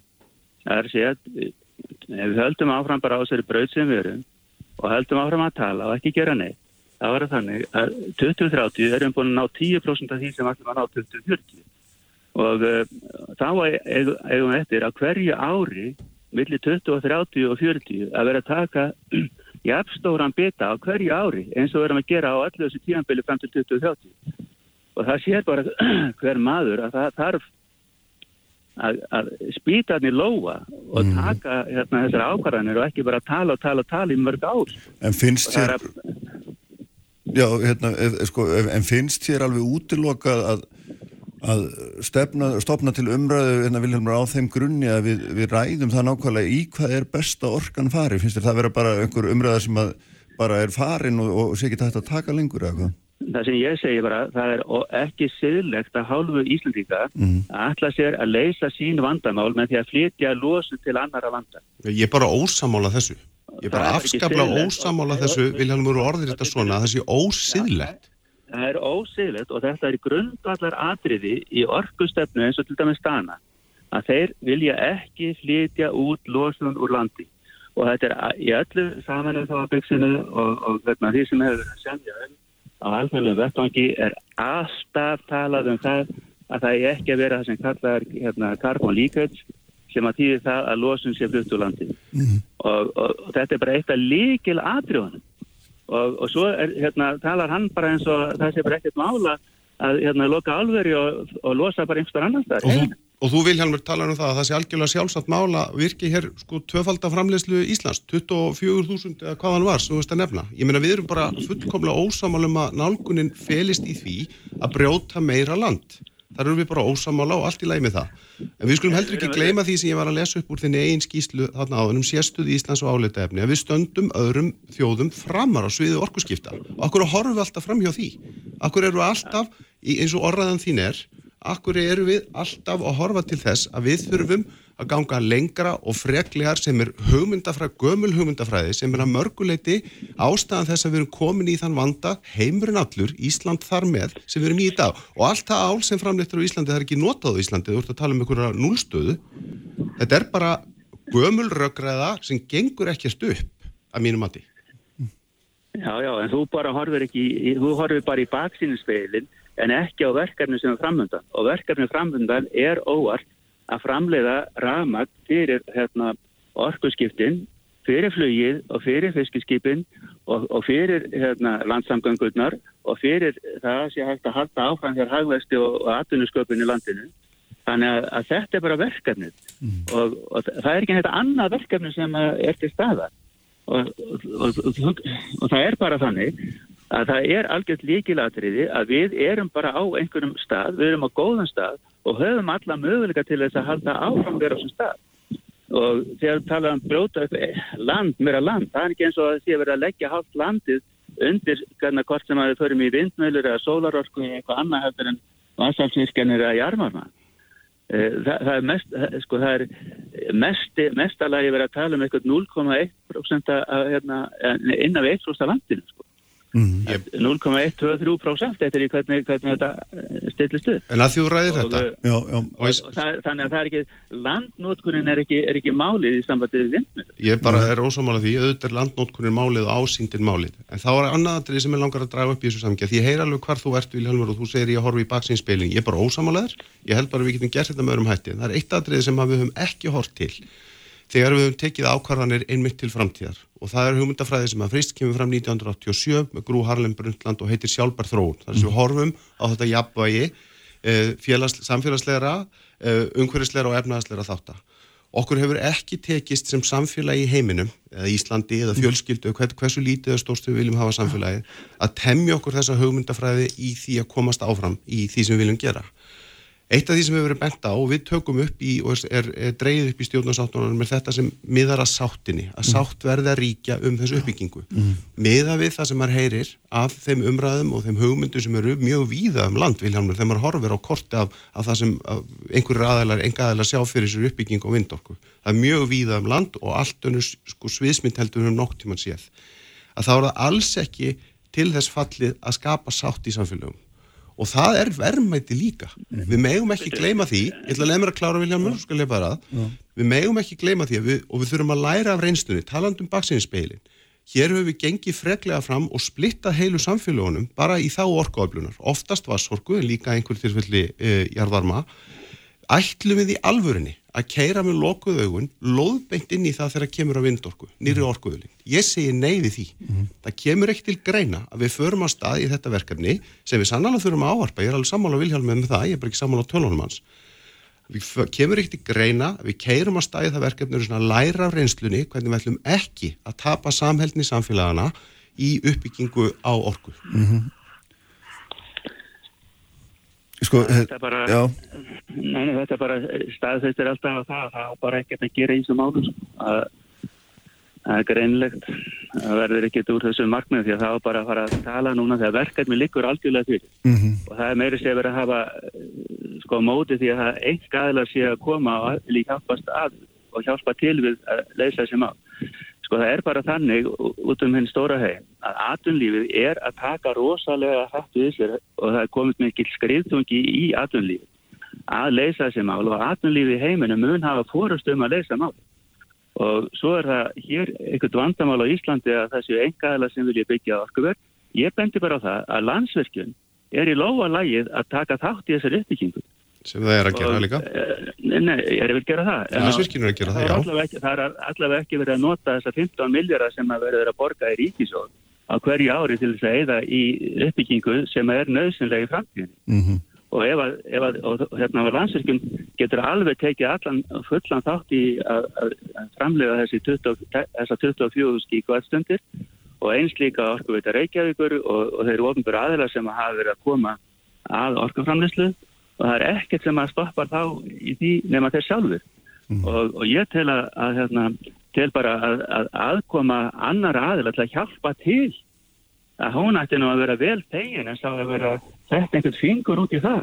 Mhm. Mér finnst að máli, máli bara snýst um það, viljum við ná þessum markmiði? Og ef en- við viljum ná þessum markmiði að, að, að ná netto 0 í 2040 að þá bara þarf alltaf hjálpa stað og ekki vera að amast við þeim sem að vilja taka þátt í að hjálpa stað. Nei, það, það hérna, en uh, grundvallar fórsöndan að þinni, að þinni hálfu er það svo að, að allt það sem við notum í dag, það verið áfram notað og öll viðbótin, hún sé þá hrein viðbót, það sé ekki að við séum ekki að færa neitt til að þú nefnir við séum ekki að flytja losun neitt annað að breyta hennu, þannig að við þurfum allt þetta og þetta eru þá gríðarlega framkvæmdir óháð því hvort það er 1% af landinu eða eitthvað að liti minna, að þetta eru gríðarlega framkvæmdir sem þú verðst að bóða á næstu 18 árum. Já, tvöföldun Já, eins og já, já, ég átta mig á því fyrir- endur tekið 24.000 Já, sko. já, já. Já, bara þetta er meira en tvöfald ráðurkvarthandlisins og neyta og því fyrr sem hann horfast í augu við það að það er, van, það er máli sem við þurfum að leysa og, og leita leiðum til þess að, að hérna, leysa vandamálun ekki til þess að, að flýja frá þeim. Já, orri. bara aftur að þá upphafi málsins Vilhjálmur sko eins og ég saði hér á þinginu í vikunni og mér finnst það getur ekki sko undir nokkrum kringustæðum talist eðlilegt að þú sem formaða starfsópsins talir fyrir einni sviðsmyndin og þeirri sem gengur freklegast fram mér finnst þetta ekki eðlilegt. Því eðli málsins samkvæmt horfir fólk til þeirrar vinnu sem þau unnuð og varum margt mjög ágætt vinna, svo það skiljist líka og ég batt mikla vonu við það að þessi skýsla myndi hjálpa okkur áfram í umræðinu, mér finnst til dæmis þetta samtal hér bera vottu það að við komumst ekkit mikið áfram og ég bara geri aðtúasendur við það að það sé tala fyrir einni sviðsmynd umfram sex sem voru til en fleiri hugmyndir til En í orri, orri, þú þarf líka þá að... Býtum við, býtum Já, við. alltaf. Hina sviðsmyndinar, hina sviðsmyndinar tóku ekki á því verkefni sem að er til staðar. Það er að segja að framlega rávorku fyrir orkuskipti flugi, fyrir orkuskipti á sjó, fyrir orkuskipti á landi og fyrir hérna orku, uh, auk, aukinni orku vegna aukinnar atvinnusóknar og uppbyggingar. Þetta bara var ekkert inn í allan sviðsmyndunum. En þér finnst þess að eld að tala þeirra fyrir þessari einu er það, er það rétt skil í hjá mér? Ég er bara að segja að þetta var eina sviðsmyndin sem náði utan Já, en, já, já. öllu verkefni sem að er, er þarf að svinna. Já, en orri gefur sér náttúrulega þess að fórsendu í því að, hérna, við getum þá nýtt á orku sem við framleiðum nú þegar einhvern veginn öðruvísi en þú verður náttúrulega Flytja losun úr landi. Já, já, allt í lagi. Það er nýjasta útvöldningsgrein Íslandinga, að flytja losun úr landi. Já, hérna, allt í lagi hérna, stöldurum aðeins, en mér langar aðeins að byrja aðeins að, hérna, vegna þess að þú verður náttúrulega að svara því við, það er svo að þú næðir því að, hérna, kippa einu álveru úr sambandi, segjum það og það væri, hérna, niðurstöðan að þá ertu samt með gríðarlega orku uppbyggingar þörf til þess að ná þessum markmiðum, enga síður og þú þarf auðvitað að svara því með einhverjum hætti hvernig Já, við segir ætlum að gera það Þú segir Já, gríðarlega já, ég myndi segja að það væri Þú segir Já, gríðarlega já, ég geta umtalsverða að þið finnst það betra orð Nei, ég, Já. ég held að ekki nokkur einasti aðili sé búin að nefna þessa tölu nákvæmlega sem við þurfum að ráðast í. Það er til dæmis, sko við, við erum með sín, það er rétt hjá Vilhjálmi, við höfum haft sín í orkustefnu stjórnvalda, um, við vitum hvaða skuldbindingar við höfum undirgengist og ég vil að sjálfsögðu standa við þær og ganga lengra fram heldur en við, við eigum að gera það sem rík þjóð norður í hafi, þá eigum við að gera það. En orðið, þú veist bara með eðlilegum vexti samfélagsins Já. þá er stöðugt, ég meina það verður ekki framhjöðu komist, við þurfum alltaf að bæta í orkuöflun. Ég meina það er bara þannig. Við þurfum að gera það. Já, bara með ég og þú göngum um göttunar, sko. Það er alveg rétt, en Já. hugsanlega, og við skulum þá líka Já. bara aðtúa það sko, bara sem dæmi, Já. heimilin í landinu nota 5% af þeirri orku sem eru, sem eru já, framleitt. allt rétt. já. 5% tapast í flutningi í kerfinu. Það er að ná einhverja því niður til dæmis með því að bæta flutningslið. Það komið inn á það í skýslunni svo ég slett ekki, þetta hlýtur að vera val margra aðgerða til þess að ná árangri í þessu. Ekki bara það að ráðast í aukna orkuöflun með þessu mæti. En einhver leiti þarf það að vera einhver aukin orkuöflun. Já, en ég og þú eða Vilhjálmur, engin okkar getur sagt það er akkurat þetta sem vantar að þetta sem Nei, það. en- Að því við höfum heldur ekki komið okkur saman um það í hvað eigi að verja þessar orku. Nei. Erum við til dæmis að fara í meiri hátta framleiðslu og rafelsneiti til útflutnings? Mhm. Að því að Vilhjálmur gerir hér grín og segir að ég vilji fara að flytja hér út íslenska mengun til annara landa. Já. Fyrir þetta að ég bara hafna svona orðræðu, svo það þetta er hérna, Viljámur, uh, meirum þetta að segja það, er- þetta er hérna, það er þannig merkilegt að þið eru svo gjörsamlega öndruð með um það hvað er réttstefnaður náttúrulega ljóst að við, við erum búin að virkja nú þegar meira per haus heldur en heldur nokkur önnur þjóð Akkurat. í veröldinni og, og þarna, Já, já, já. Er, þegar kemur að þessum púti, þá skaldu nú bara ha- hafa í huga Já. að það er á tveimur sviðum sem að við hérna, teljum eitthvað á hérna, heimskala og það er í framleiðslu á áli og í veiðum og fiski og, uh, og þetta eru hvort ekki hérna, orkufreg starfsemi í sólu sér. Og uh, ef allir að segja já, já þið framleiðum svo mikla orku á mann og framleiðum svo mikla ála á mann þetta er bara það sem við erum að sérhafa okkur. Og alveg eins og getur sagt ekki þá menna við erum að framleiða rosalega mikið fiski á hvert mann á Íslandi og selja þetta allt til útlanda en þetta kallar á orku og við þurfum að, hérna, fara að afla okkar eigin orku til þess að, að, að gera þetta. Og eigum þá líka að leggja það niður sko það þýðir ekki að tala svona Nei, Ég bara, það er engin að tala svona Vilhjálmur, svo ég svarði nú bara fullum hálsi, það er engin að tala svona. Það sem að ég á við er það, við getum ekki beitt gamalkunnum aðferðin í því að fara áfram og stækka og vaksa og verða meiri þegar við vitum að það er rót vandan sem við erum að reyna að tækla. Það er það sem ég er að benda á. sko það sem er veldur svona, svona eh, sko í umræðinni, svona mönnum eins og þér greinlega, svo rosalegi skelvingu er það að atvinnlífið í heiminum er bara óvart á flegi ferð í að leysa þessi mál. Og uh, það verður þannig að það er öll, hérna, mjög mikil tæknithróun, nýsköpun og allt þetta í gangi í atvinnlífinu og framtíðar hagnaður atvinnlífsins mun byggjast á því að vera í taktu nett og núl og, og fyrirtæki sem ekki eru með á þeirri vegferð, þau bara vestlast upp. en, en, Þetta, við við erum að sjá þetta fara að gerast og það sem við þurfum að opna augun á Íslandi fyrir því að, það, að, að, að, að við þurfum að leifa íslensku atvinnlífi að taka þátt í að leysa málið. já, En, en, það sé orðið einhver skelving eh, og, og skelvingar tilhugsun. En finnst þér ekki- sem finnst þér er ekki- mál. Nei, já, já, en við þurfum að vara að ljúka finnst þér ekki eins og orðið nefnir að það sé mikilvægt að hérna, það ríki sæmilega sátt um það hvernig við ætlum að, að gera þetta. Jú, ég held að, að- ég held að í rauninni, það ríkti bara mikil sátt um það að við ætlum að ná í netto 0 í 2040. Já, En menn eru þá bara tilbúin til að segja A, en síðan ekki B sem þarf að segja hvað þarf að gera til þess að ná þessu. Og hann ætla greinilega að vera að ræða það fram til 2030, hvað þarf að gera áratöfum 2030 til 40 til að lesa. Bara eitt stutt sko, það er auðvitað alveg rétt hjá Vilhjálmur, auðvitað þarf atvinnulífi að koma að því að leysa þessi mál og gerir það. En atvinnulífi kom líka að því að koma okkur í þann vanda þar sem við erum. Þannig að við þurfum að horfa til þess að þetta sé jafnvægi og ræða okkur niður á okkur að niðurstöru. Ég ætla ekki að vera í endalusum árum í það Vilhjálmur.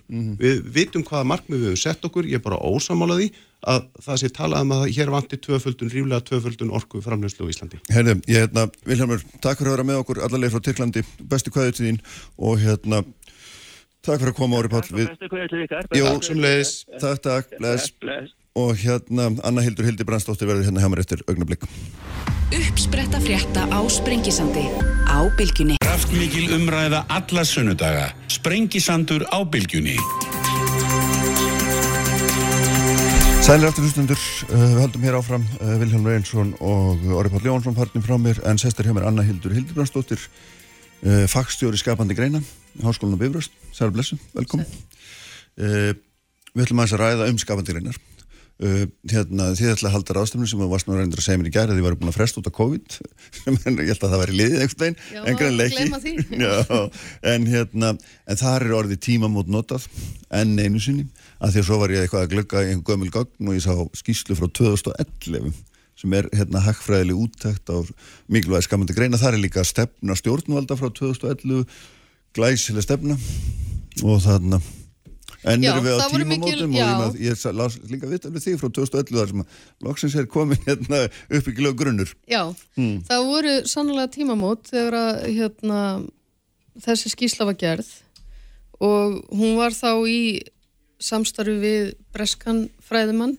þar sem að við vorum svona innleiða þessar UNESCO skilgreiningar á skapandi greinum. Og þetta var í fyrsta skipti kannski sem að skapandi greina voru skilgreinda sem atvinnufur á Íslandi og það kom í ljós að uh, það var talsverð velta og miklu fleiri störf. Ég minnir að það hafi verið svona tíður störf og velta var á við það sem að álinnaðurinn til dæmis var að velta. Mhm. og þetta var en það gríða rúmskilgreining á hugtækinu er það ekki satt? Uh, skilgreiningin var bara tekin eftir því sem að UNESCO já, já, sem að en hún er alþjóð- rúm á ég við. Hún er sko að því skapandi greinar maður hugsa um það upphafi sem listgreinar. Já. en þetta er auðvitað miklu Já, nei, skapandi greinar er þýðing á hugtakinu uh, Culture and Creative Industries. Mm. og það sem að er verið að horfa á kannski, maður útskýra það þannig að listin er þá eins og öðlindin eins og fiskurinn í sjárútögnum og síðan eru skapandi yðnaður það sem að viðskiptin verða til í kringum þetta. Og það er við skelltum þessu saman í hugtaki skapandi greinar sem að stendur þá fyrir menning og skapandi yðnaður í rauninni. Og það er bara eins og í öllum atvinnum vögum, þú ert með einhverja öðlind og þú vinnur úr úr verða viðskipti. Og núna eru kannski það sem við erum að vísa til að eru tímamót núna að við erum farin að skoða þetta í miklu meira samhengi. Þarna var kannski, þetta byrjar svona fyrir 30 árum alþjóðlega að skoða þessar skilgreiningar af því að þetta var þetta til áður, Hollywood var til Já, fyrir löngu já, og, já, já. og sem fjölmiðlar alltaf príma dæmi um skapandi grein sem skapar gríðarlega hérna auðafi Nákvæmlega. Og eh, fjölmiðlar eru til upp úr síðustu aldamótum og e, þar síðustu aldamótum og svo, og svo eru kannski þessar skilgreiningar að koma þegar að teknibildingin verður sem að er þessi stafræna teknibilding. En það sem við erum kannski að sjá núna er samhengi hlutana og það sem við verðum að tala um sjálfbærni og, og vísa kannski í þessa umræðu sem var hérna áðan, bæði síðferði og sjálfbærni að við séum að skoða svona samingi hlutana og núna eru menn kannski farnir að skoða líka meira skapandi störf allstaða þar sem þau eru að finna. Þannig að við erum svona farin að setja hlutina í samingi og í þessu samingi erum við að fá já, bara eitt uh, fræðimann í heimi, Stuart Cunningham, sem að er einn af þeim sem að lagðist í þessa skilgreiningavinnu fyrir 30 árum í Ástralíu og Ástralir hafi verið mjög framalega í fræðanum í þessum efnum og við fáum líka til okkar Trínu Billi sem er svona uh, menningarhagfræðingu frá Danmörku og hefur verið mjög framalega á Norðurlöndunum í um, svona að skoða stefnumótun Mm. í þessum efnum. En þetta er svona eitt og þetta er, við erum búin að vera núna að leiða uh, starf sem að ríkistjórnin stutti í fyrra. Þar sem við erum í samstarfi listaháskólinn, Bifröst og uh, félagsvísdelt Háskóla Íslands með samtökum skapandi greina að uh, þarfa greina og leggja svona grunninn að rannsóknarmiðstöð uh, skapandi greina. Því að við erum talsvöld á eftir í þessu. Við höfum ekki rannsaka mikið. Það komið sér skísla 2011 svo kom ennur skísla 2012 svo kom eitthvað svona gap. Já, Svo var ráðin starfsmæður í, uh, hjá Hagstof Íslands sem var kostur að því það hefði eiginlega öll þessi vinna bara farið fyrir gíg sem var gerð 2011 og núna eru teknisama menningarvísar sem er sambarilegt við það sem að Eurostat gerur og önnur Evropalönd gera og það er mikill kostur. En það sem að við segjum við erum á tímamótum að því leita að við þurfum núna að koma þessu rannsóknarsetri á lakirnar og hafa þetta markvist og stöðugt og byrta tölfræðina og hagfræðina og taka saman gögnum. Það eru mjög mikil göti í þessum gögnum sem að hagstofan sapnar núna og við erum í mjög góðu uh, samtali við hagstofun og stjórnvöld um þetta og núna viljum við bara bæta þetta og ebla rannsóknir og það er svo og er, eiga þær að vera einhvers konar eða þessi vinna er einhvers konar grunnur að áframhaldandi sókn í sjálfri atvinnustar sem minna, hver, hver er svona Ég held að, hver er einn sko, hagnýtti tilgangur? Já, sko, rannsóknir náttúrulega þær uh, gefa til dæmis stjórnvöldun tæki til að grundvalla stefnumótun sína á. Og þar er bara mjög marg sem þarf að skoða. Og Bifröst var núna bara á dögunum að byrja í rannsóknarsamstarfi með 12 eurubulöndum þar sem við erum að skoða til dæmis áhrifskapandi greina á nýsköpun. Og er stefnumótun stjórnvalda tekur hún mið af hvernig landsbyðin er öðruvísi heldur um borgirnar. Í borgunum sapna stóru menningastofnannar, stóru stóð, uh, svona stóðkerfin en á landsbyðinni uh, er öðruvísi aðferðir. Og það hefur lítið verið rannsakað og við hefum lítið skoða hvernig svona stefnumótinin um, tekur utanum þetta.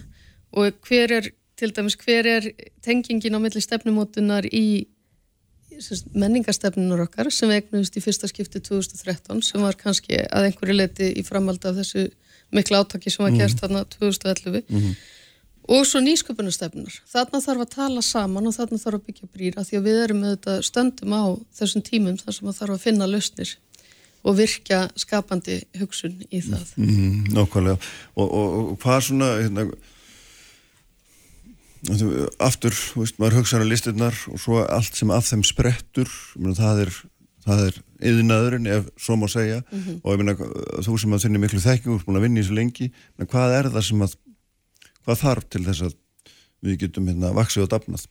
Íslningar, er, er, er þetta hendar þetta vel svona fámunum samfélagum til að mynda eða Ég við náttúrulega sjáum sko, okkar- við, við vorum að fá bara úttekt frá Stuart Cunningham á tölunum í hagstofinu við sjáum Já. að það er gríðalegu vöxtur á Íslandi og hugsanlega meiri heldur en annar staðar í þessum greinum. Þetta er greinlega Ísland er góður jarðvegur fyrir þetta. Hér geta hlutir gerst hratt. Það er allt sem að byggir á um, svona skapandi hugsun um, það er það er mikil sveigjanleiki í þessum greinum. Mhm. en um, það eru mismundi hlutir sem mismundi geirar þurfa. Tölvuleikja geirin þarf kannski eitthvað annað heldur en uh, sviðslista geirin og vill endilega ekki vera tengdur þarna.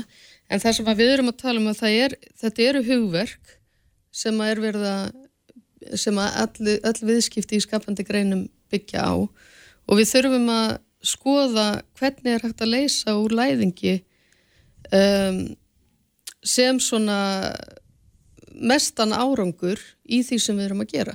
Hérna til dæmis bara dæmi sem að hefur verið mjög mikið í fjölmjölum undanfarið er kvikmyndaðiðnaðurinn. Viljum við leggja áherslu á endurgreðslu fyrir Hollywood-verkefni og skerða kvikmyndasjóðin eða viljum við efla kvikmyndasjóðin og þá hugsa einhvern veginn öðruvísum og færi verkefni frá hinnum, þetta höfum við bara ekkit rannsakað við höfum ekki rannsakað áhrif þess til dæmis núna ef að kvikmyndasjóður er skertur svona mikið. Mm. hvaða áhrif hefur það á íslenska menningu og kvikmyndagerð? Og þannig líka í, bara þetta tengir svo mörg að því skapandi greinar það sem að er kannski orðið rannsóknar viðfangsefni út í heimi er svo mikið hver eru áhrifin í heilbreyðisgeranum, í mentageranum og svo framvegis og þetta þurfum við að hugsa í samhengi. Þannig að þegar stjórnvöld setja sér svona stefnu og koma fram með svona lög, þá er gott fyrir þau að hafa einhverja rannsóknir sem sína fram á. Og nú er ég ekki að taka afstöðu til hvort er gott eða vond í þessum efnum. Nei, nei, nei. Ég er bara að segja við höfum engar rannsóknir og það er það sem við viljum uh, stuðla að og erum að knýja á um að geta Þannig að umræðum þetta, hún byggir ekki á svona einhverjum svona staðrinda einhverjum staðrindasöfnun heldur meira svona kannski tilfinningarhlaðin eða, eða þess að þar. Já, eða bara, og það, auðvitað er þetta spennandi að fá hérna stórt verkefni og það skapar fjöldastörfi í einhvern ákveðin tíma, en Já, svo já. spyrjum við kannski ekki alltaf að langtíma áhrifanum, eins og kannski umræðan hér áðan var líka um að við, erum, við þurfum að vanda okkur meira við umræðan og við þurfum Mm. að rannsaka og kanna og bera okkur saman við annur lönd þegar við erum að taka ákvarðanir. Já.